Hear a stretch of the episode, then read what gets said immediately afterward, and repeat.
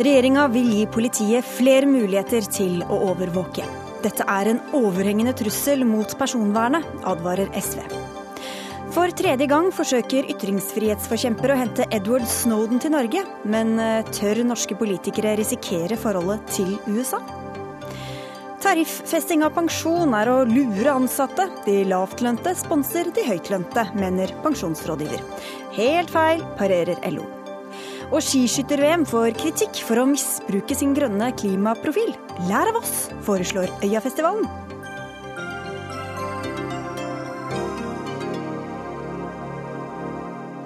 God fredagskveld og vel møtt til Dagsnytt 18, hvor vi også skal snakke om både utilregnelighet og læring i barnehagen. Jeg heter Sigrid Solund. Det skal bli lettere å overvåke i Norge. For i dag presenterte Justisdepartementet nye metoder som vil gi politiet lettere adgang til nettopp overvåkning. Forslagene omfatter lettere beslag av e-postkontoer uten domstolskontroll, romavlytting i private hjem, økt bruk av falske basestasjoner for å overvåke mobiltelefoner, samt dataavlesning, altså hacking. Statssekretær i Justisdepartementet Ove Vannebo, eh, hvorfor trenger politiet lettere tilgang til alle disse metodene? Nei, altså Grovt sett så er det tre forskjellige grunner til det. Det ene er at eh, kriminelle nå er bedre organisert og mer profesjonelle. Sånn at det er en ganske sterk eh, selvjustis og vanskeligheter for å få opplysninger derfra. I tillegg så er teknologien i kraftig utvikling, som betyr at f.eks. kryptering er veldig vanskelig å håndtere og få innsyn i. Eh, og For det tredje så er det også en del kriminelle handlinger hvor eh, ofrene for kriminalitet i veldig liten grad kan bidra til eh, å oppklare kriminaliteten. Det gjelder f.eks. ofre for menneskehandel og barnepornografi og, og, den type kriminelle handlinger. Så Samla sett så er det et annet bilde som gjør at vi er nødt til å åpne for enkelte typer overvåkning. Så er det jo ofte sånn at de kriminelle finner smutthull som gjør at de unngår denne overvåkninga. Hvordan kan dere vite at det faktisk virker etter hensikten, og ikke bare fører til en økt overvåkning av folk som faktisk ikke har gjort noe ulovlig? Nei, nå er det jo sånn at uh, Ved alle former for overvåkning så vil det være forskjellige måter å tilpasse seg det på. Men uh, det vil jo da være en kritikk som gjelder da alle typer. Uh, det vi veit, er at Men det er noe med kost-nytte? Ja, det, det, det, er, det, er, riktig. Men det vi vet er at eh, Man har eksempler fra andre land hvor det har fungert godt. I Danmark så har f.eks. dataavlesning ført til at man har avverga terror. Eh, hvor folk da har samla inn opplysninger for å lage bomber, men hvor man da grep inn og fikk dømt folk for terrorforsøk. Så Det er selvfølgelig vanskelig å, kvantifisere det, men signalene vi har fra Riksadvokaten, PST og Politidirektoratet er at dette vil ha en god virkning. Bård Vegar Solhjell, stortingsrepresentant fra SV. Du er kritisk til eh, den samla mengden av eh, overvåkning vi kan stå overfor her. Hva er det du er mest kritisk til? Ja, Om hensikten er god og veldig lett å være enig i, så er det likevel problematisk, vil jeg si på to måter. Og Det ene er at det inngår i summen av en rekke små og ofte da velmente endringer som ganske kraftig flytter grenser. Og tar et eksempel på det jeg nå er mest betenkt over. Det som kalles dataavlesing, som er datainnbrudd i realiteten. Altså Man kan kunne hacke seg inn på din mobil, din PC, iPad. Som jo i dag er en veldig personlig gjenstand, kanskje mer personlig enn en god gammeldags dagbok. Hente ut informasjon derfra og ta den eh, i bruk i ulike øyemed. Og Der har vi jo ofte informasjon som er veldig privat, og jeg tror òg det ja, begrense oss på ulike måter. For Man sier ofte det at hvis du ikke har gjort noe galt, har du ikke noe å skjule. Men de fleste har jo noen ting å skjule. Som, er, som er lovlig, men som de overhodet ikke vil andre skal eh, bli kjent. Og kanskje holder vi oss tilbake igjen. Men det andre er at jeg tror det her like mye er en spiral som et framskritt. Fordi vi innfører forbedra eh, metoder Kriminelle tilpasser seg dem. Vi innfører litt flere metoder. Kriminelle finner hull og Eller motsatt, tilpasser seg dem. Vi tilpasser oss de kriminelle. Hvorfor skal vi sitte og se på hva de kriminelle gjør? Og Det skal vi ikke gjøre. og Det er flere enkeltheter her som jeg syns eh, åpenbart framstår eh, rimelige. Det er andre ting vi må gå grundigere inn i det veldig omfattende materialet. Men det er iallfall grunn til å advare mot en løpende utvikling i samme retning gang etter gang, som ikke kanskje tar inn over seg hvor Eh, viktig nettet er for oss, hvor personlig det som er der er. Og hvordan det kan gjøre oss vanlige mer utrygge på bruk av elektronisk kommunikasjon og nettet, selv om hensikten er å ta kriminelle. Det er jo veldig ekkelt å tenke på at noen kanskje kan sitte og finne ut og lese hva du holder på med på mobilen din. Hva slags kriterier skal legge til grunn? Hvem er det som skal bestemme, for, bestemme at uh, her er det faktisk greit å gå inn og sjekke? Nei, altså, bare for å ta én ting først. Uh, allerede i dag så er det mulighet til å beslaglegge f.eks. dagbøker eller andre private notater. Så hvis man ser på selve informasjonen i seg selv, så tenker jeg at det ikke er noen prinsipiell forskjell om man da fanger informasjon på papir eller Men her kan man fortsette å gjøre det uten å si ifra? Hvis ja, men, du tar en dagbok, så er ja, den liksom borte? Ja, men så skal man også huske her at uh, for å kunne tillate dataavlesning, som er det mest interessante her, så må det da være skjellig grunn til mistanke. Det betyr at det må være mer sannsynlig at man har begått den kriminelle handlingen, enn at man ikke har gjort det. Eh, I tillegg så vil det da være et krav om at det må ha vesentlig betydning for saken. Og hvis det finnes mindre inngripende midler for å overvåke, så skal de brukes før man da går til dataavlesning. Men 50% det er vel liksom, Hvordan skal man vite at det er 50 eh, sjanse for at du kan begå en kriminell handling? Så Det vil være en konkret vurdering. Men det man skal huske er at eh, det såkalte Kontrollutvalget for kommunikasjonskontroll, EOS-utvalget og Metodekontrollutvalget har gått nøye gjennom norsk overvåkning. Konklusjonen der er at norsk politi har faglig god forutsetning og eh, gode etiske standarder. Og det er veldig lite som tyder på at man misbruker de midlene man har. Mm. Og hadde da selvfølgelig vært funn som tyder på at det er en, en veldig stor grad av misbruk misbruk eller at man bruker det for mye, så hadde det vært grunn til bekymring. Men per dags dato så er det veldig vanskelig å se at det er grunnlag for å være så skeptisk. Bare lurer på, Hva med familiemedlemmer eller andre som bor sammen med mistenkte personer? Skal deres iPad eller datamaskin eller telefon kunne overvåkes også?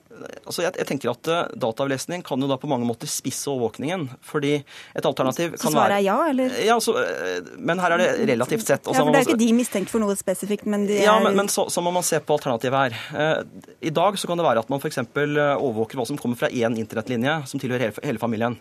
Med dataavlesning så kan man da sørge for at man avleser kun én brukerkonto, f.eks., som da tilhører den, akkurat den mistenkte. Man kan også reservere det til f.eks. én bestemt smartphone, istedenfor at det gjelder da alle andre familiemedlemmers. Så dette er jo egentlig en spissing fremfor da f.eks. å bruke romavlytting. Men det kan jo hende at den kriminelle tenker sånn, da bruker jeg konas eh, datamaskin i stedet? Ja, det, det, er en veldig vanskelig utfordring. og Derfor så har man da selvfølgelig mulighet til å se på hva slags eh, virkemiddel som er egnet akkurat i den spesielle konteksten. Enten det er romavlytting eller telefonavlytting eller dataavlesning. Men poenget er at man da vil kunne velge det minst inngripende, som da loven også pålegger. Eller kriminelle vil stjele og tilegne seg andre mobiltelefoner eller PC-er, eller bruke bibliotek. Eller, altså, mulighetene er enorme for å tilpasse seg. Ja, Men jeg mener at du får telefonavlytting, f.eks. hvis jeg bare får lov, så Noe av problemet her er det er, Ved det tilfellet her så er forslag om datainnbrudd ganske godt ramma inn med domstolskontroll, og det er bare på de mest alvorlige forbrytelsene. Mm. Så, eh, så vet vi at eh, mange av de som skal etterforske, ønsker stadig å flytte de grensene. De ønsker langt mer omfattende muligheter, forståelig nok. Og det vi har sett før er at Først åpner man et lite hull. Så utvider man den, fordi det finnes det eksempler på kan være nødvendig. Så går man enda et skritt lenger. Jeg er redd for at vi hele tida går de nye skrittene. Hver gang så kan det virke isolert sett lite, men i sum så får vi da eh, en utvikling der ganske mange kan være utrygge på eller usikre på om det faktisk er sånn at ting vil legge igjen på en mobil. Men skal du si nei til noe fordi at det kan komme noe annet senere som er mer omfattende? Vi skal i hvert fall veldig nøye tenke oss gjennom. Det vi har foreslått, det er at vi skal ta en liten pause nå, stoppe opp og så sette ned det vi kaller en overvåkingskommisjon, som går gjennom summen av hvor vi har kommet, men kanskje òg den videre utviklinga, istedenfor å gjøre alle de små skrittene. Og Hvis jeg får bare et eksempel hvor mange har ikke Jeg tror det kan være en del som har skrevet en eller annen ting, begynt å skrive på en melding, en mail, begynt å gjøre det godt på en side på nettet, men aldri gjort noe med det. Her åpner man altså for at du kan gå inn i det som aldri ble gjort, men som du begynte på å skrive eller tenke. Det er å gå over en ganske alvorlig grense, syns jeg. Altså, jeg skjønner veldig godt eh, akkurat den bestemte innvendingen, men poenget er at eh, når man overvåker, så er det også viktig at man har en viss grad av overskuddsinformasjon. Og Grunnen til det er at Eh, selvfølgelig så vil det være da mer avgrensa deler av f.eks. en samtale som er viktig. Men for å belyse hva som har vært sagt og gjort tidligere, så må du nødvendigvis ta med hele samtalen eller mer. Mm. Og det handler jo også om rettssikkerhet. Og jeg tror veldig mange forsvarere ville vært uh, veldig irritert hvis man da ikke hadde fått med hele samtalen, f.eks. Nettopp fordi det kan belyse hva man egentlig mener på det man sier som er kritikkverdig. Nå har ikke du sittet så lenge i regjeringa, men uh, liberalist i hjertet, hvordan, hvordan kjennes disse forslagene for deg? Altså det er jo sånn at uh, Man ønsker jo uh, i minst mulig grad å ha overvåkning, men samtidig så vil det jo være sånn at hvis man ikke har de grepene, så betyr det også at uh, kriminelle vil få større mulighet til å utfolde seg. Og det, det er klart at De mest dramatiske integritetskrenkelsene vil jo da nettopp være menneskehandel og barnepornografi og de tingene man ønsker å slå ned på her. Og da, helt kort, Soler, Hva er egentlig alternativet, da? Ja, som liberalist så burde Vanebo ha en viss forståelse for innvendingene. Ja, alternativet ja, nå der Vi skal passe på å ha gode metoder. Alternativet nå, og det kunne jeg tenke meg å få et kort svar på nå, mm. er at vi uh, gjør en full gjennomgang av hvor vi står på overvåking av personvern nå, og ikke gjør det stykkevis og delt hele tida. Ja, men Det har jo Anders Anundsen sagt i dag, at han gjerne ønsker å ha en, den type gjennomgang. Så, ja, så mm. det tror jeg ikke er noe problem å få til. Du, det, vi skal takke dere to, men før du fyker ut døra over Vannebo. Varsleren Edward Snowden er tildelt en prestisjetung pris her i Norge. Justisdepartementet ville ikke komme og diskutere denne saken hos oss. Men hvordan forholder norske myndigheter seg til et eventuelt Snowden-besøk? Altså jeg syns norske myndigheter forholder seg til Snowden på en veldig profesjonell måte. Og det vi har sagt, er at uh, det er veldig vanskelig for oss å blande oss inn i en enkeltsak. Og her tenker vi at eh, UDI og politiet og andre som eh, skal ta seg av den type saker, må kunne gjøre jobben sin uten at vi politikere skal mene så veldig mye. Vi får eh, la det være med det. Takk skal dere ha begge to, Ove Vannebo og Bård Vegard Solhjell. Dagsnytt 18 alle hverdager kl 18.00 på NRK P2 og NRK2. Men vi fortsetter i det samme sporet, for kanskje kommer Edward Snowden? For andre gang på to år blir han i hvert fall tildelt en norsk pris for at han har avslørt omfattende overvåkning. Denne gangen er det norske Penn som har valgt å tildele Snowden den anerkjente Osietzky-prisen, og setter med det altså norske politikere i en kinkig posisjon. Tidligere har norske myndigheter eh, avslått Snowdens søknad om asyl, og i fjor hindret eh, bl.a. Norges utleveringsavtale med USA Snowden i å reise hit til Norge for å motta Bjørnsonprisen. Og begge disse prisene har du vært delaktig i, eh, generalsekretær i den norske ytringsfrihetsorganisasjonen Penn, Hegen Youth Nori. Er det grunn til å tro at de vil handle annerledes denne gangen enn ved Bjørnsonprisutdelingen? Norske myndigheter? Nei, det eh, tviler jeg på. Vi hørte jo også hva statssekretæren i Justisdepartementet sa nå, og henviser jo til akkurat de samme tingene som justisminister Anundsen eh, gjorde i fjor sommer. Og det er til utleveringsloven og avtalen man har med USA, og til UDI når det gjelder eh, reisedokument for Snowden, for det har han jo ikke. Hvordan jobber dere med å få ham til Norge, da? Ja, altså det, si, det, kan jeg ikke si så mye om, faktisk. For det, det gjelder eh, først og fremst eh, Snowdens egen sikkerhet. Snowden er en av verdens mest ettersøkte menn. Eh, og det må vi ta hensyn til først og fremst. Det eneste jeg egentlig kan si, er at vi skal gjøre alt for å få han til landet. Vi hørte Ove Vanebo her, for vi har jo ringt Utenriksdepartementet, som viste til Justisdepartementet, som altså viser til UDI, og ingen ville diskutere denne saken. Men seniorforsker ved Norsk utenrikspolitisk institutt, Iver B. Neumann, det, Neumann, det begynner å bli en lang liste over folk som vil se Snowden eh, i Norge. Hvilken skvis kan norske myndigheter komme i da i denne saken? Det er aldri populært å gå mot USA. Og hvis man tenker at norsk utenrikspolitikk skal dreie seg om å gjøre USA til lags, så følger det logisk at man skal si nei til Snowden. Men hva slags juridisk handlingsrom har det egentlig, når vi har en sånn utleveringsavtale? Det er problemet. Altså, det, problemet jeg, det som jeg opplever som veldig lite hyggelig med denne situasjonen, og vi hørte nettopp et eksempel på det, det er at politikere sier dette kan ikke jeg uttale meg om, dette vil jeg ikke ha noen mening om. Hva er dette for noe? Altså, politikere er faktisk betalt for å ha en mening om å vite ting om dette og hint. Og dette at man gjemmer seg bak dette og hint for å la være å ta debatter, det er en uskikk i et demokratisk system. Vi har sett flere eksempler på den med den sittende regjering at eh, politikere uttaler seg på blogg, for deretter ikke å ville stå til rette for sine synspunkter etterpå. Dette undergraver ytringsfriheten på samme måte som den behandlingen som Snowden har fått. Men her er det altså en mann som mange mener har gjort noe ulovlig, noe forrædersk, eh, farlig, svikefullt. Hvorfor skal norske myndigheter risikere forholdet til USA for å ønske ham velkommen til Norge? Jeg vet faktisk ikke om det er så veldig mange som mener det. at han har gjort USA mener det veldig Men det er absolutt noen eh, ganske uh, betydningsfulle mennesker i USA som mener det.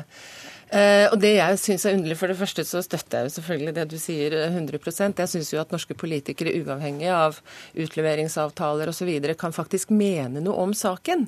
De vil vel mene at det er ryddig av dem å ikke gjøre det? At her skal alle ha hvert sitt ansvarsområde, kanskje?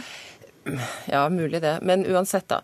Eh, når det gjelder eh, Edward Snowden og muligheten for å komme til Norge og eh, USAs forhold til Norge, så tenker jeg at det er opp til norske politikere å få testa det ut. Jeg tror at dette er den store testen på ytringsfrihetsnasjonen Norge, rett og slett. Altså, jeg syns jo at man her skal ikke ta hensyn til eh, utleveringsavtalen, fordi at vi mener jo ikke at Snowden er en kriminell. Vi mener jo at han er en varsler, og vår tids største varsler, faktisk. Slik at vi mener at han er mer en politisk aktivist kan, enn en kriminell. Kan de se bort fra utleveringsavtalen? Det er jo det Anundsen sier, er at han henviser til domstolene, og at dette må jo være en sak som prøves for domstolene. Så mm. Det gjenstår å se, da. Neumann, hvordan tror du et eventuelt Snowden-besøk ville blitt oppfattet eh, fra USAs eh, hold? Det ville bli oppfattet slik som man har forstått ytringsfriheten helt fra den var historisk ny, under opplysningstiden. Da en mann som Voltaire gjorde et poeng av at selv om man ikke likte de ytringene andre kom med, så skulle man respektere dem. Og dette ble jo gjort f.eks. i et sted som Genéve. Der har det bodd eh, folk som har vært i eksil i århundrer uten at eh, myndighetene verken i byen eller landet syntes det var noe særlig ålreit, det de mente. Men eh, når det er sagt, så er jo det et av problemene med dagens USA at man underskatter disse, disse, prinsippene som man angivelig er så for. Ytringsfrihet, der har vi Snowden-saken. Rettsstaten, der har vi Guantánamo Bay, som fortsatt er åpen. Og vi kan jo ikke ha en situasjon hvor vi er alliert med, med forskjellige typer stater som ikke legger opp til å følge opp sine egne prinsipper. Altså, I USA nå så, så, så er jo altså, den heksejakten som foregår på mennesker som har en annen mening, og som faktisk gjør det jeg ville si er sin borgerplikt, nemlig å si fra om statlige overgrep, det opplever jeg som ekstremt demokratisk problematisk. Men i praksis så vil det da kunne sette det, dette forholdet på prøve, når Defin ting er som de er? Definitivt. Eh, det er ikke noe vanskelig å skjønne at norske politikere kvier seg for å, eh, for å gå med på en invitasjon av Snowden. Det skjønner jeg. Men så får man si det, da. Og så får man si at ja, mhm. ytringsfriheten er ikke et absolutt gode. Ytringsfriheten må måles mot andre ting, f.eks. For forholdet til en viktig alliert som USA. Men det er ikke nok å bare si at vi har ingen mening, dette vil vi ikke diskutere. Det er, det er, ikke, det er ikke, sånn politik, politikere skal oppføre seg. Hvordan har dere skult til dette og den eh, litt sånn vanskelige posisjonen eh, norske politikere kommer i Nori, når dere har vurdert å tildele ham denne prisen og den forrige? Vi har vel egentlig ikke tatt så veldig mye hensyn til hva norske politikere måtte uh, tenke og føle i tildelingen. Vi har jo bare tenkt at uh, altså, Vi mener jo at Snowden rettmessig har uh, krav på å komme motta denne prisen fordi han har gjort seg fortjent i den, fordi han har gjort så mye for ytringsfriheten og menneskerettighetene, og det står overalt. Og vi har jo også et håp om at norske politikere også skal lene seg på ytringsfriheten og menneskerettighetene og sette det foran et forhold til USA og vise ryggmarg. Men et annet problem er vel at han ikke har gyldige reisedokumenter. Han har så vidt jeg mm. vet ikke pass. Så hvis han skulle komme hit, så måtte han rett og slett få en invitasjon fra norske myndigheter. Nei, vet du hva. Det er ikke helt riktig. Det, altså, de henviser jo til UDI. og Nå er det jo slik at eh, UDI kan gi, uh, i særskilte tilfeller, så kan de gi innreise til personer uten gyldig dokumentasjon. Og det gjør de jo faktisk ganske ofte. I vår organisasjon i Norsk Penn så jobber vi jo veldig aktivt med forfulgte forfattere og journalister som ganske øyeblikkelig kan trenge et nytt sted å bo, som flykter hals over hode uten gyldig dokumentasjon. Og de kan vi søke inn i landet uten gyldig dokumentasjon. Og UDI gir dispensasjon i sånne tilfeller. Hmm. Det er vanskelig for å se for meg at Snowden faktisk ville ta sjansen på å komme til Norge, sånn som de politiske forholdene er. Jeg tror ikke han ville, ville ta den sjansen. Han setter jo sitt liv på spill. USA har jo som vi vet dødsstraff. Han risikerer jo den, den måten hmm. man har bygget ham opp som landsforræder på, betyr jo at dødsstraff er en mulighet. Og dette er jo ekstremt problematisk. Det som også er problematisk i et storpolitisk bilde, det er at det er Moskva som altså er aldeles elendig på alt som heter ytringsfrihet og pluralitet. Det er Moskva som skal få lov å smykke seg med at de gir eksil til en forfulgt uh, sannsiger som, som, Snowden. Og Det synes jeg kanskje at både Norge og USA og den vestlige verden generelt burde tenkt litt mer over. Er, jeg tror jeg vet hva dere vil svare, men eh, hvilke paralleller kan man trekke til Dalai Lama-saken, hvor også norske myndigheter møtte besøk ham med en, hva skal vi kalle det, en øredøvende taushet? Jeg tror vel det var en av de pinlige episodene i norsk politiske historie, og spesielt kanskje for Olemic Thommessen som stortingspresident.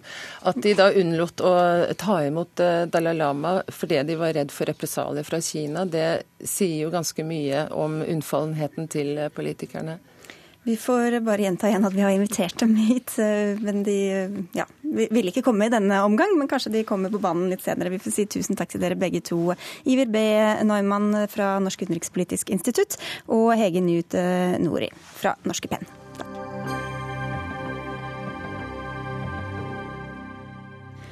Denne uka begynte lønnsoppgjøret i privat sektor. Der er styrking av pensjonsvilkårene et eh, sentralt krav fra arbeidstakerne i dragkampen om en ny avtale med arbeidsgiverne.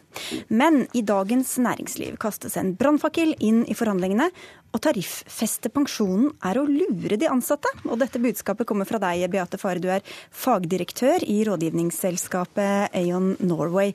Hva er det ved det offentlige pensjonssystemet som privat sektor absolutt ikke bør ta etter? Det er eh, en holdning og en oppfattelse av at det offentlige pensjonssystemet er veldig rettferdig. Eh, men det er veldig urettferdig overfor de som tjener minst. Fordi hvis du tar en person som tjener 350 000, vi kan gjerne kalle det en kvinne, det er jo ikke unormalt å, å tenke i de baner, eh, og hun må betale 2% bli trukket 2 av lønnen sin hvert eneste år inn til pensjonssparing. Og så blir hun lovet en pensjon etter 30 år i tjeneste på, på ca. to tredjedeler av lønnen sin. Eh, og arbeidsgiver må bidra inn i den pensjonen, og bidrar og betaler 6% inn. Altså det blir mye prosenter, men arbeidsgivere bidrar med en prosent inn der, på 6% Og Hvis du tar motsatt tilfelle, en mann som tjener 700 000, eh, som også betaler 2 av lønnen sin inn i pensjonen i offentlig sektor. Der bidrar arbeidsgiver til sparing i 30 år på nesten det dobbelte, altså 11 og når de får pensjon ut, så får eh, hun som tjente 350 000, 250, 200, jo, ca. 240 000 kroner i pensjon, mens han andre får 480 000. Hvis vi hadde snudd på dette og sagt at alle skulle få innbetalt 6% så ville hun som tjente 350 000 sittet igjen med 10 000 kroner mer i pensjon hvert år. Og det er altså dette offentlige systemet som det private nå ønsker å få inn i denne tariffforhandlingene, eller i hvert fall noe tilsvarende? De ønsker mm. å få inn dette med likepensjon og brede pensjonsordninger, hvor alle skal betale inn det samme, og så skal det komme ut noe som ingen egentlig vet hva er. Stein Regaard, du er sjeføkonom i LO. Hvorfor skal privat sektor ta etter det offentlige hvis systemet er såpass urettferdig, da? Ja, men jeg skjønner ikke, For det første så er ikke det offentlige urettferdig. fordi de kjemper jo hardt for å beholde det sånn som det er, og mange ønsker å etterligne det. Men denne debatten er jo helt meningsløs, for det er ikke noe krav fra privat sektor om å få det systemet de har i offentlig sektor. Det har aldri vært noe diskusjon om.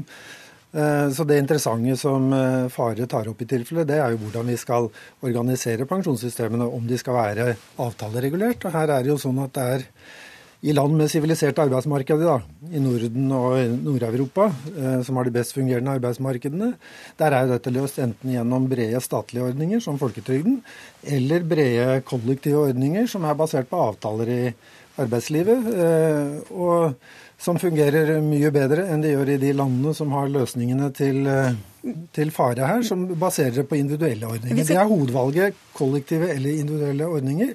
Og hvis man skal ha kollektive ordninger og det skal være en slags styring på dem, så må det jo hjemles et eller annet sted med et regelverk. Og det er mange steder da gjort i avtaleverket, og det har vi i Norge. Vi har det i AFP-ordningen i privat sektor, og vi har det riktig i offentlig sektor. Men det er ikke ordningens utforming, det er hvordan den styres. Men for å, Vi skal komme tilbake til det alternativet, men for å ta tak i det tenkte eksempelet, la oss kalle en renholdsarbeider, da, en kvinne som tjener 300 000 eller hva det var. og eh, Hvorfor skal hun da sponse vår eh, tenkte professor f.eks., som tjener 700 000? Ja, men I pensjonssystemet samlet så er det jo ikke det som skjer, det er helt omvendt pensjonssystemet utjevne mellom høye inntekter og lave inntekter hvis man ser folketrygden og tjenestepensjonene i sammenheng. og Det er jo det eneste fornuftige å gjøre, for hele regelverket og lovverket og tradisjonen i Norge er basert nettopp på det.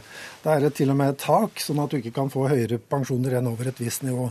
Så er det som Beate kanskje tenker på, da, hvis jeg skulle leite etter noen poenger her, så er det sånn at de som ligger i den nedre delen og har korte ansettelsesforhold, eh, små stillinger, kan dette glippe ut. Men det er jo et mye større problem i private, privat sektor enn det er offentlig, hvis det er det vi skulle diskutere.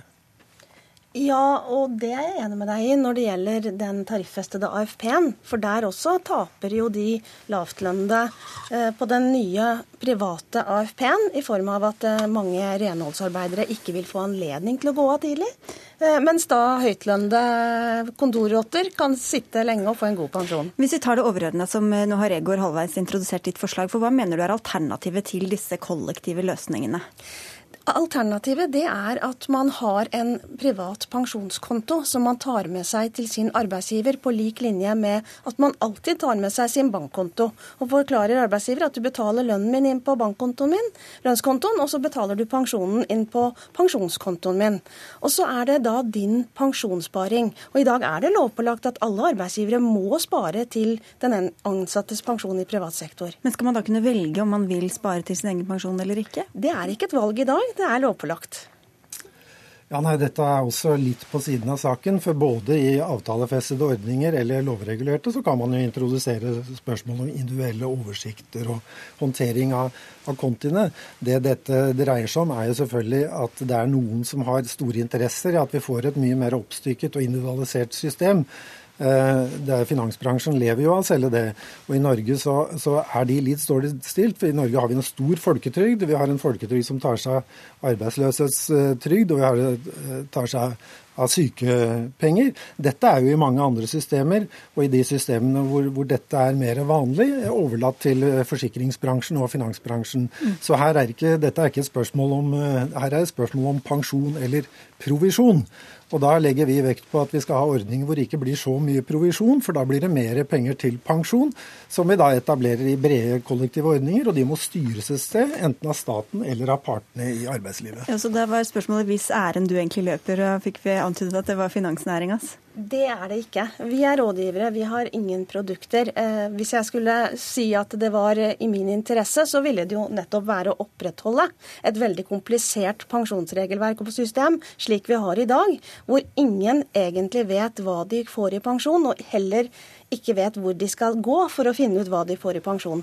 Vi ønsker et enkelt system hvor den enkelte vet at du har en sum penger på konto, og så deler du den summen på de antall år hvor den pensjonen skal ut. Og så er det riktig, som, som Stein her er inne på, eller snakker om, vi har en god folketrygd. Og derfor gjør det det så veldig urettferdig at hun som tjener 350 000 også må betale 2% inn til pensjonen. For du sier at LO lurer sine egne medlemmer? Ja, jeg synes at det er å i alle fall ikke fortelle hele sannheten. Fordi det tilsynelatende virker som om det er lik innbetaling uavhengig av lønn eh, til en pensjonsordning, mens det de facto er slik at det betales betydelig mer inn for at de som da er professorer eller tjener mye penger, skal få en god pensjon å leve av. Fordi folketrygden bidrar selvfølgelig med en god del for de eh, fram til du tjener en 350 400 000. Det er jo innmari komplisert for vanlige folk å skjønne noe av det her. Er det sånn at dere lurer oss, eh, eller LO-medlemmene i hvert fall? Ja, ja, det er jo ikke jeg, men ja, Det virker jo veldig, veldig troverdig at alle våre 24 forbund og alle andre hovedorganisasjoner og fagbevegelser i hele verden etterstreber den type system som vi jobber for. At de da heller skulle lytte til eh, pensjonsrådgivere som tjener på at dette systemet blir mest mulig komplisert og individualisert, det syns ikke jeg virker så eh, overbevisende. Vi er nødt til å avslutte der, dessverre.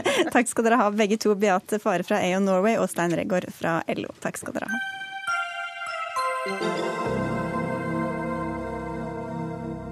Snart blir massemorderen Anders Behring Breiviks psykiske tilstand på ny et tema i norsk offentlighet, når rettssaken der han saksøker staten for brudd på menneskerettighetene begynner til uka. Ved den forrige rettssaken ble tilregnelighetsspørsmålet, rettspsykiatrien og de sakkyndiges rolle i rettssaker mye diskutert og kritisert. Som det også er blitt ved tidligere rettssaker, bl.a. i en annen kjent sak, den mot Knut Hamsun. Og nå er utilregnelighetens historie samla i en ny bok om rett og medisin og møtet mellom dem, som du har skrevet, Svein Atle Skolvåg. Du er til daglig førsteamanuensis i historie ved Universitetet i Bergen. Og vi kan jo komme tilbake til disse sakene, men la oss først gå litt tilbake i historien. fordi Allerede på 1700-tallet var tilregnelighetsspørsmålet sentralt i flere rettssaker. Og synet på psykisk helse var allerede da ganske nyansert. Var det noe som kom overraskende på deg? Eh, ja, det var litt uh, overraskende på meg, fordi at uh, det har vært et inntrykk kanskje i litteraturen av at før psykiaterne kom inn i bildet, at retten hadde en veldig sånn grov forståelse av psykiske lidelser. Men, men, det er altså sånn at, at det finnes en, en lang eh, retts, rettslig tradisjon flere århundrer tilbake mm. eh, som, som, har et eh, ja, nokså nyansert blikk. Så det er ikke sånn at eh, for retten var det bare de eh, sterkt utagerende, voldsomme, gale som var synlige. Og Hvem var det som hadde rollen som de sakkyndige på 1600-1700-tallet? Ja, altså, Sakkyndige helt i vår forstand, så hadde de, eh, fant, fantes ikke. Men, men Ekspertene? Men, men, ja, det fins eh, det, det, var noen som bisto retten, kan en si. da. Eh, og det var i noen tilfeller leger. Og i noen tilfeller så var det prester som da eh, vitna for retten om psykisk tilstand, eller i noen tilfeller egentlig om intelligens til folk som var tiltalt for kriminelle handlinger. Denne historien om utilregnelighet er jo også historien om synet på psykiske lidelser og eventuelt helbred, om framvoksinga av psykiatrien som fag. Hvor viktig har rettssalen vært eh, for psykiatrien som et eget framvoksende fag? Eh, rettssalen var viktig for psykiatrien helt fra, helt fra starten. Eh, psykiatrien tar form fra tidlig 1800-tallet. og og, og psykiatere engasjerer seg ganske tidlig i rettssalen. Rettssalen blir en slags arena for, eh, for den unge psykiatrien da, til, å, til, å, markere en slags kulturell autoritet. Eh, for å vise at de har en eh, samfunnsrelevant kunnskap. Mm. Jeg nevnte Hamsun-saken, der han altså mot sin vilje fikk stempelet varig svekkede sjelsevner, noe som også førte til at Riksadvokaten ikke straffeforfulgte ham eh, for disse nazisympatiene. Hva gjorde denne saken med synet på de sakkyndige i etterkant? Eh, den eh, er jo en veldig interessant sak fordi han blir diskutert i så lang tid etterpå. Når rettssaken mot Hamsun fant sted, så var det ikke noen stor diskusjon om de sakkyndige sin rolle. Men eh, når Hamsun, først da når Hamsuns bok eh, 'På gjengrådde stier' kom på slutten av 40-tallet, så gjør jo han et veldig stort poeng ut av de sakkyndige der. Eh, og i kjølvannet av den boka så blir det en, en diskusjon, og det, tradisjonelt kan en si at det, litterater eller litteraturkjennere i Norge har hatt en veldig sånn sympati for, for, eh, for Hamsun sin sak, da, igjen via den eh, romanen. Og så kommer saken eh, tilbake igjen, kan du si, på 1970-tallet, når, når, denne biografien til Torkil Hansen om Knut Hamsun eh, som, som, jo henger ut psykiatrien i ganske stor eh, grad, og eh, formidler en veldig sterk kritikk av den. Eh, og, og, det blir da koblet opp til eh, altså Den gangen så får en da et svar med at de sakkyndige publiserer eh, den rettspsykiatriske erklæringen, noe som er veldig uvanlig og sannsynligvis aldri hadde skjedd før, før det tidspunktet. Vi skal ta det litt eh, til modernere tider. Randi Rosenquist, du er psykiater og har jobbet mye med dette spørsmålet, temaet. Eh, Hamsun-saken var jo lenge før din tid, men eh, i løpet av de siste tiårene, hvordan vil du si at rettspsykiatrien har endra seg? Altså, jeg har jo jobbet med dette i 30, snart 40 år, og jeg ser jo at det er en stor utvikling faglig, men det er jo kanskje ikke så stor utvikling i rettspsykiatri som i psykiatri. For, for 50 år siden, hvis du hadde en schizofreni, så var du jo syk, og du ble ikke bedre. Og det var en kategori som var relativt greit å identifisere. Naturligvis trist, men, men klar avgrensbar. Men nå får jo også schizofrene pasienter så god behandling at de aller fleste er jo ikke utilregnelige. De aller fleste med en schizofrenidiagnose vil være tilregnelige som de aller fleste innbyggerne her. Og utfordringen er om den juridiske rettspsykiatri klarer å fange opp de endringer som har skjedd i den kliniske psykiatri. Og da, eh, Vi kan komme litt tilbake til det, men for å nevne den andre saken jeg nevnte, altså 22. juli-rettssaken som skapte voldsomme diskusjoner. Hva kan man si har vært lærdommen eh, fra den diskusjonen som kom da? Altså, jeg syns at den saken er så spesiell at det er vanskelig å trekke noen generell lærdom fra det. Fra det. Men eh, departementet har jo nedsatt en lovkommisjon for å skulle rydde opp etter Breivik-saken, men det viser seg jo at Lovkommisjonen i stor grad har foreslått den ordningen som vi har allerede hatt. Skålevåg, du sier at det er eh, nærmest en umulighet å sette en diagnose og bestemme tilregneligheten for disse eh, sakkyndige uten å skjele til hva det kommer til å få si av rettslige konsekvenser. Altså noen blir dømt osv. Blir, blir regnet som utilregnelig. Hvordan begrunner du det? Eh, det jeg mener med det, er at det medisinske prinsipp som du har i, i norsk rettspsykiatri, det forutsetter på sett og vis at det, det, medisinske språket og det juridiske språket ikke, ikke blandes for mye. Eh, altså at en kan sette en diagnose som en ren medisinsk diagnose, og så skal den eh, da oversettes til, til, juridisk i rettssalen. Eh, men all den tid eh, psykiateren som setter diagnosen, godt vet om hva som er konsekvensene, så vil, eh, vil jeg mene at den diagnosen i de, de fleste tilfeller treffes med med et lite sideblikk til hva for noen konsekvenser. og Dermed så er ikke den, eh, den medisinske vurderingen en rent medisinsk vurdering, men det er en rettsmedisinsk vurdering. Tror du at psykiaterne lar seg påvirke av dette? Rosenkvist? Altså, jeg tror at det var en veldig generalisert uttalelse. For i de fleste tilfeller når man vurderer tilgjengelighet, så er det ikke så veldig mye tvil. Men det er klart at i visse gråsoner så kan nok en sympati med lovbryteren gi en bias, en, en tendens til å si at han var vel så dårlig at han må anses som utilregnelig. Eller hvis man ikke liker lovbryteren, så kan det være en, en tendens til å si at nei, han er nok tilregnelig likevel. Men jeg vil understreke at de aller fleste rettspsykiatriske erklæringer er ikke denne gråsonen.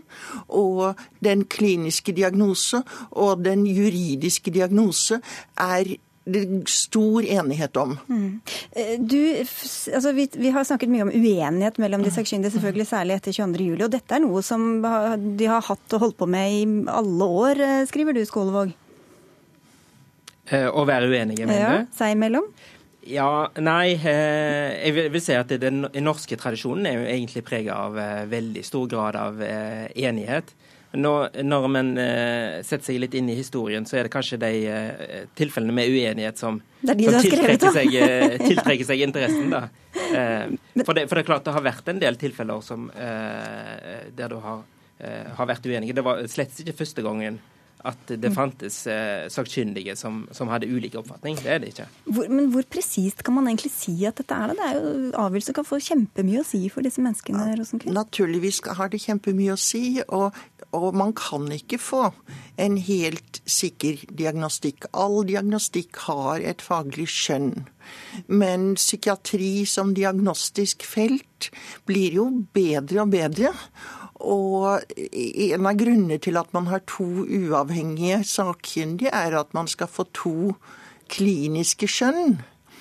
Og jeg, jeg, jeg, tenker igjen at de fleste som blir rettspsykiatrisk observert, etter en kriminell handling, der er det ikke den store usikkerhet. Men i noen situasjoner så vil man kunne oppfatte et symptom sånn eller slik. Mm. Helt på tampen her, vi var inne på det, eh, som Skålevåg sa. I dag skal jo ikke den eh, sakkyndige si helt tydelig om han eller hun mener at her er det tilregnelighet eller ikke. Det er jo opp til dommeren. Mener du at det burde vært tydeligere? altså? I, I dag sier den sakkyndige klart og tydelig at de mener at vedkommende var psykotisk i den strafferettslige eh, forståelse av ordet. Men Lovkommisjonen har da foreslått at de sakkyndige bare skal komme med den kliniske diagnosen, og ikke komme med en, et råd til retten om utilregnelighetsvurderingen. Og det er ikke jeg så veldig begeistret for, men jeg vet at jeg er i mindretall her, både blant sakkyndige og jurister. For det er klart at det er domstolens avgjørelse, men jeg tror at det er lettere å lære 200 sakkyndige elementær strafferett enn å lære, lære 3000 dommere og juryer psykiatri. Mm. Vi, denne debatten fortsetter helt sikkert. Nå kommer jo denne rettssaken også til uka. Vi får eh, si tusen takk til dere i denne omgang, psykiater Randi Rosenkvist og Svein Atle Skålevåg, eh, førsteamanuensis, som altså har skrevet om utilregnelighetens historie. Hør Dagsnytt 18 når du vil Radio NRK NO.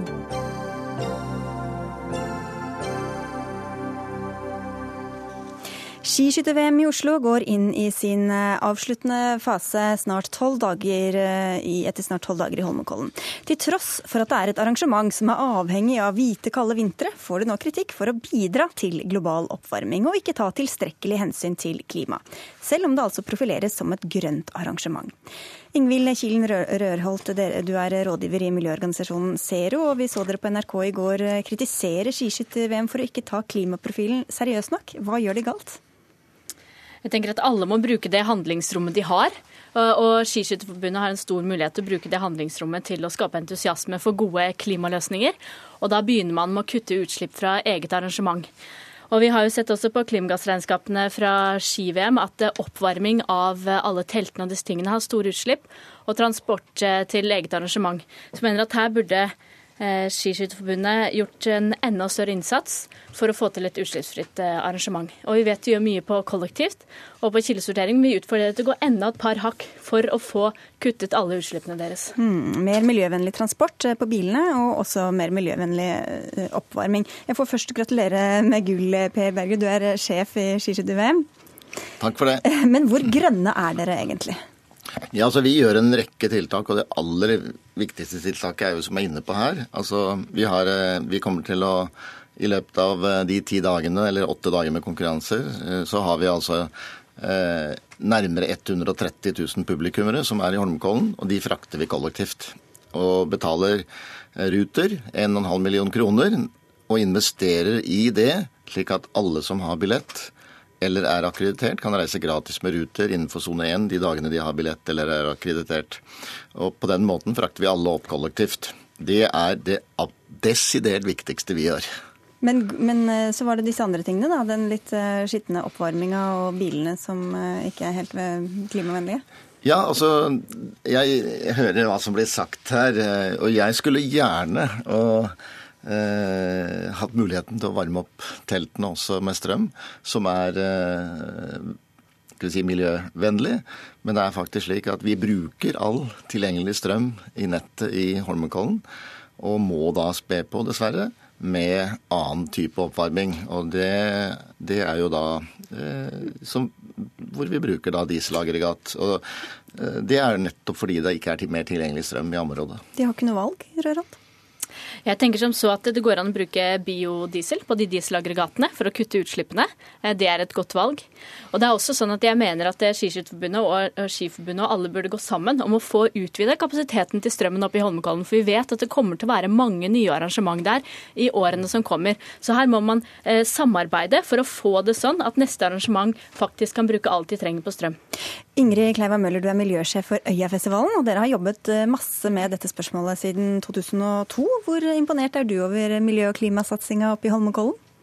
Eh, jeg må jo si at det er, jeg synes det er veldig viktig at alle sånn type store arrangører tar det her type miljøansvaret. Eh, og eh, akkurat når det gjelder å bruke dieselaggregater, så er det en, en, ting som vi har sett i vårt eget arrangement hadde kjempestor effekt når vi kutta.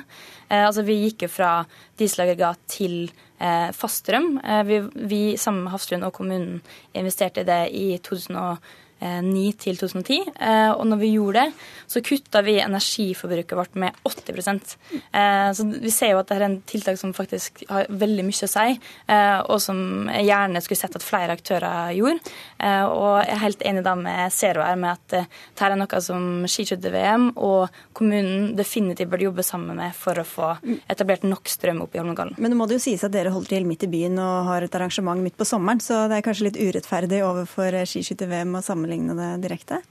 Ja, men det går jo på energi, da. Så det går jo på, vi bruker jo ganske mye energi. Eh, og selv om vi ikke har eh, like mange besøkende som dere, så har vi rundt 70 000 mennesker som er innom Tøyenparken i løpet av fire dager. Så det er klart at det har en ganske stor effekt når vi kutter eh, de dieselaggregatene. Og så tenker jeg også det at når du har Holmenkollen, som er et så naturlig sted å ha utendørs vinterarrangementer, så er det kjempeviktig at man får den strømkapasiteten der som man trenger. Nå hører vi miljøsjefen på E-festivalen. Hvor er deres miljøsjef? Det er eh, jeg som er miljøsjef som ansvarlig. Ja, det er alltid sånn at det er toppsjefen i en, eh, i et Men har, dere har ikke en egen miljøsjef? Som det er meg som er eh, ansvarlig for miljø. Det er alltid sånn at det er, det er toppsjefen. Eh, Uansett om det er en bedrift eller organisasjon, så er det toppsjefen som er miljøansvarlig. Eh, Men vi har brukt mange rådgivere, eh, både fra kommunen eh, og fagspesialister, eh, både innenfor energi og, og andre områder, transport, avfall, eh, for nettopp å finne de beste løsningene som er tilgjengelige for oss eh, der og da. Slik at eh, vi har spilt på veldig mye fagressurser eh, rundt oss. Og som et eksempel er jo altså Vi skulle gjerne brukt biodiesel, men vi er fraråda av det av eh, spesialister, fordi vi opererer i et eh, klima, klima hvor det er kuldegrader. Og da fungerer ikke biodiesel, eh, sier spesialistene, tilstrekkelig bra nok når vi snakker om vinterstid. Men jeg skulle gjerne, og jeg er veldig for å jobbe med klima, og har også jobba med det i mange sammenhenger tidligere. Men, så det står ikke på viljen, men her er det altså å finne hvor vi har jobba med å finne de beste løsningene under de forutsetningene vi har. Men føler du at dere har et ekstra ansvar? Altså, dere er jo eh, ganske avhengig av denne snøen og denne kulda som eh, kan forsvinne hvis eh, Absolutt. Og, og derfor har vi også et veldig fokus og har investert allerede ganske mye ressurser i å finne de gode løsningene. Og, og spesielt der hvor vi vet at det er stor effekt. Eh, Vi har også investert mye i både kildesorteringssystemer og avfallshåndtering, som, som gjør at vi håndterer dette på en skikkelig måte. Og ikke minst også kjemikalier og farlige stoff som kommer faktisk fra smøretrailere og smøreprosessene. Så det fanger vi opp i egne, egne eh, oppsamlingsfat, som gjør at vi håndterer også det eh, helt i tråd med slik det skal gjøres. Her er det jo veldig mange elementer. Hvordan tenker dere, som du har jobba lenge med dette på Øyafestivalen, om hver enkelt eh, potensielle utslippskilde, og hvor, hvordan dere skal minimere på hvert enkelt eh, punkt? da? Jeg tror faktisk en del sånn, papirarbeid, kjedelig papirarbeid er veldig nødvendig. Altså at Man har nettopp et, et regnskap og ser over sånn, hva gjør vi, hva er det som er mest, eh, mest energikrevende, eh, og hvor kan vi kutte. Og Det har vi gjort systematisk siden 2002. Eh, og det er jo klart at det er en prosess. altså Man kan ikke gjøre alt på ett år, kanskje, men, men det er veldig fint liksom, hvis man, man begynner et sted, og så må man se eh, hva kan jeg gjøre som har mest uttelling. Mm. Det, det, det høres ut som eh, også de tenker på dette i Holmenkollene, men hva er deres råd? Hva kan de lære fra f.eks. Øyafestivalen for å bli enda bedre? Eh, ja, jeg vil jo si få gå i samarbeid, få opp Faststrøm, som var inne på i stad. Og så tenker jeg også utfordre deres egne sponsorer til å promotere de utslippsfrie løsningene. Så vi får promotert elbil og plug-in fra BMW og ikke de store SUV-ene. Eh, gå inn for å få til liksom kun eh, nullutslipp fra egen transport, og etterspør det. Vær kravstor når du skal få frakta alle varene dine opp til Holmenkollen for hva slags drivstoff, hva slags utslipp som kommer fra den transporten. Og Der kan øya også bli bedre i forhold til å stille krav til sine leverandører på hvordan de frakter sine varer. Ja, noterer du her, eller? Ja, du, du, jeg er veldig enig, faktisk. Fordi, fordi det er jo nettopp den måten man kan drive utvikling, er jo å stille krav til eh, de som, eh, som er leverandører og, og samarbeidspartnere. Uh, og eh, vi har gjort det på enkelte områder og har fått det til på enkelte områder, eksempelvis på avfallshåndtering, som bare blir henta en gang i døgnet, hvor vi samler opp og gjør det etter at vi har rydda opp i Holmenkollen. Men det viktigste vi gjør, er faktisk å redusere avfall, slik at det blir minst mulig først. Og så hente det bare en gang om dagen. Det er sånne ting som Akkurat på det området har vi greid det. Men, men det er klart, det er faktisk eh, viktig, sånn som det blir sagt her, å stille krav til leverandørene og drive utvikling på den måten. Bare spørre deg helt til slutt her. På Øyafestivalen har vel 50% vegetarmat, eh, så vidt jeg vet. Er det pølser og hamburger det går i å opp? Eller er vi det... har, eh, all mat vi har, det er kortreist, og veldig stor andel av vår mat er økologisk. Spesielt i publikumsfeltet, hvor, hvor det er mest størst omsetning av matvarer. Så det har, vi, det har vi hatt veldig fokus på. Ja, skulle du si noe helt på Ja, jeg vil bare oppfordre dere, altså Det er en rolle der for eh, Skiskytterforbundet som ingen har tatt, at å være det første utslippsfrie arrangementet innen skisporten. Og ta det ansvaret som ekstra ligger på skisporten for å kutte utslipp. Dere kan si at deres neste arrangement og arrangementet etter skal være utslippsfritt. Jeg vil oppfordre dere til å gjøre det, når dere allerede har tatt en så progressiv rolle på klima som dere sier. Ja.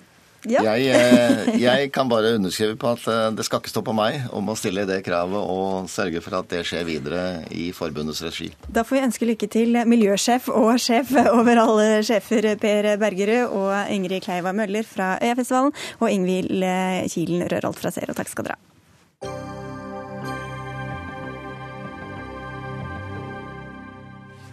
Regjeringa har hatt en travel dag i dag. Ikke bare forslag til mer overvåkning har den fremma, men også lagt fram en stortingsmelding om barnehagen. Tid for lek og læring, bedre innhold i barnehagen heter den. Men blir det vel mye læring og litt lite lek?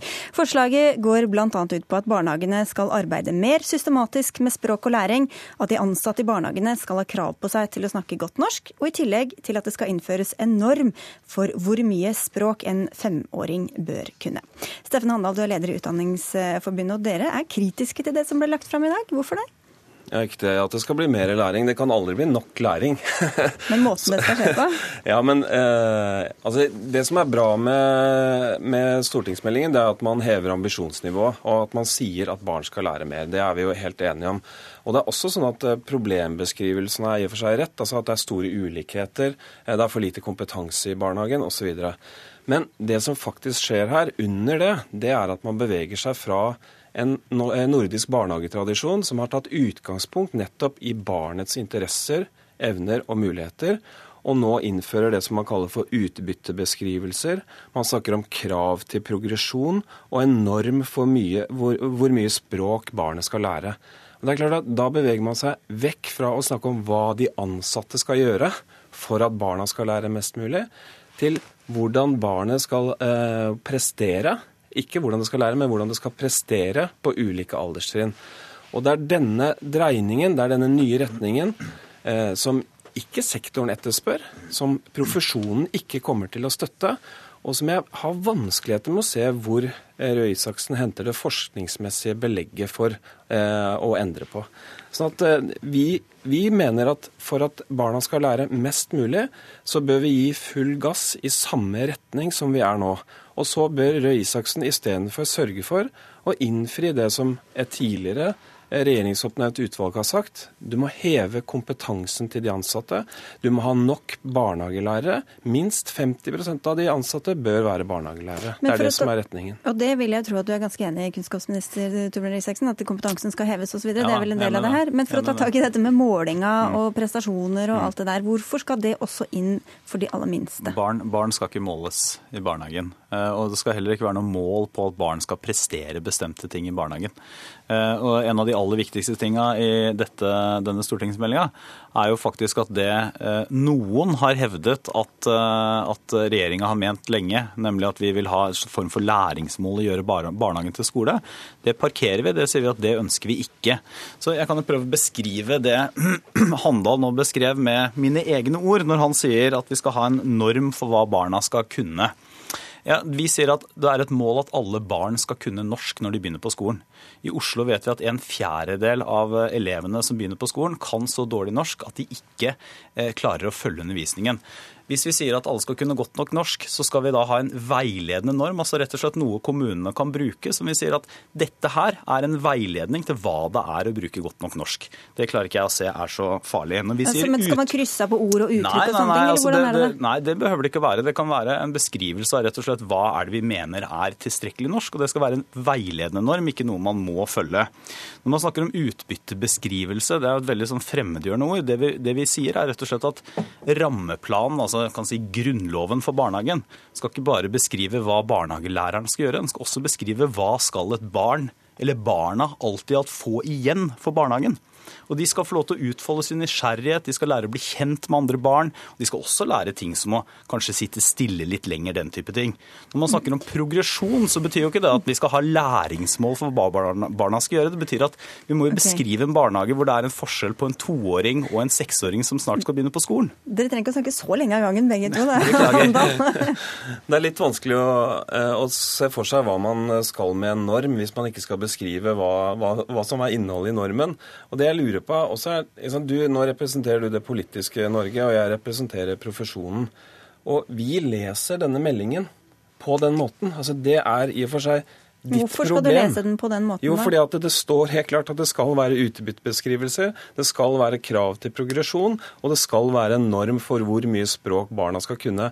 Det er i vårt språk, så handler det om ferdighetsmål. Og det er det Torbjørn Røe Isaksen selv har advart mot. Det er sånn sektoren nå leser dette, og det er det vi advarer mot. Det er ingen forskningsmessig belegg for at dette kommer til eh, å gi mer læring. Og det som, er, det som jeg ikke skjønner, er Hvorfor prøver dere liksom å, å dekke over dette?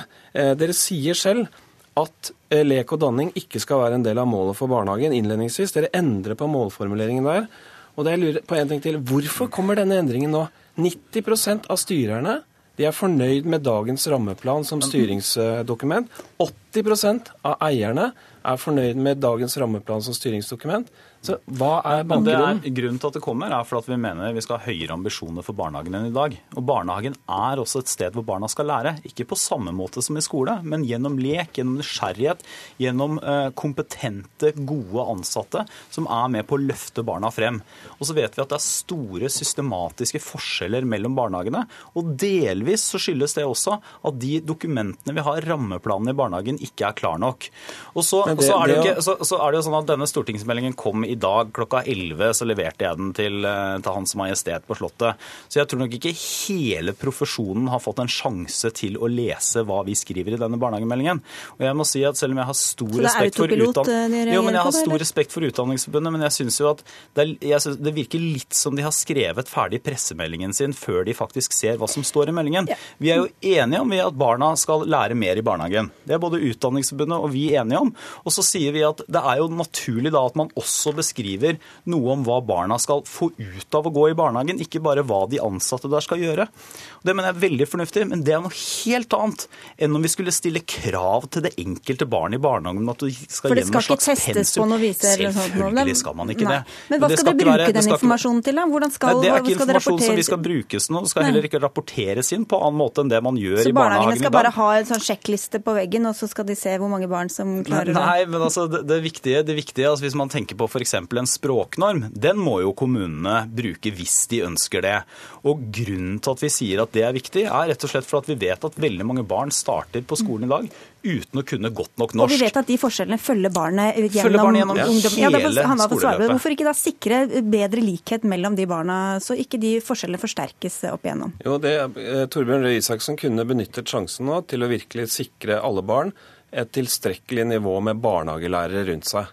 Det har, et, det har han fått råd om veldig veldig mange ganger, også fra et regjeringsoppnevnt utvalg. Dette høres billigere ut, da. Minst 50% av de ansatte bør være barnehagelærere. Hvorfor innfrir du ikke det kravet? Men burde det skjønner ikke- jeg. ikke si Men hvis jeg kan fullføre. Men kan ikke jeg bare det holder nemlig om- ikke å ha høye ambisjoner. Det holder ikke å ville godt. Man må også kunne godt og gjøre godt. Og Problemet her er at ambisjonsnivået er godt, målsettingene er i og for seg gode, problembeskrivelsen er også riktig. Altså Det er store forskjeller. Men hva er galt med å da Men se hvor barna ligger, da, og Men det hold, ja, men det, Problemet er at de tiltakene som faktisk foreslås, den retningen som pedagogikken i stortingsmeldingen peker, den er feil. Det er ingen som har rådet Røe Isaksen til å eh, gjøre om på retningen. Det vi trenger, det er samme retning, men full gass. Og det er det. Hvorfor får vi ikke innfridd disse viktige kravene? Vi trenger ikke språknorm, vi trenger pedagognorm, bemanningsnorm. Ja, men men eh, altså, bemanningsnorm er jeg også for, og det har regjeringa sagt at vi skal, skal innføre seinest innen 20, 2020. Så det er jo ikke det som er diskusjonen. Men spørsmålet er ta denne språknormen f.eks. Hvorfor trenger man det? Jo, jeg mener at dette kan forklares så enkelt som at hvis man er enig i at alle barn skal kunne norsk når de skal begynne på skolen, eh, så er det jo en fordel at vi har en eller annen eh, standard som man kan bruke i kommunene eller i barnehagen for å finne ut hva er godt nok norsk. Så Men hva ikke skal de bruke det til hvis de ser at her er det 10 av barna jo, men følger ikke den normen? Hva, Nei, jo, det er jo f.eks. da sette inn tiltak tidligere.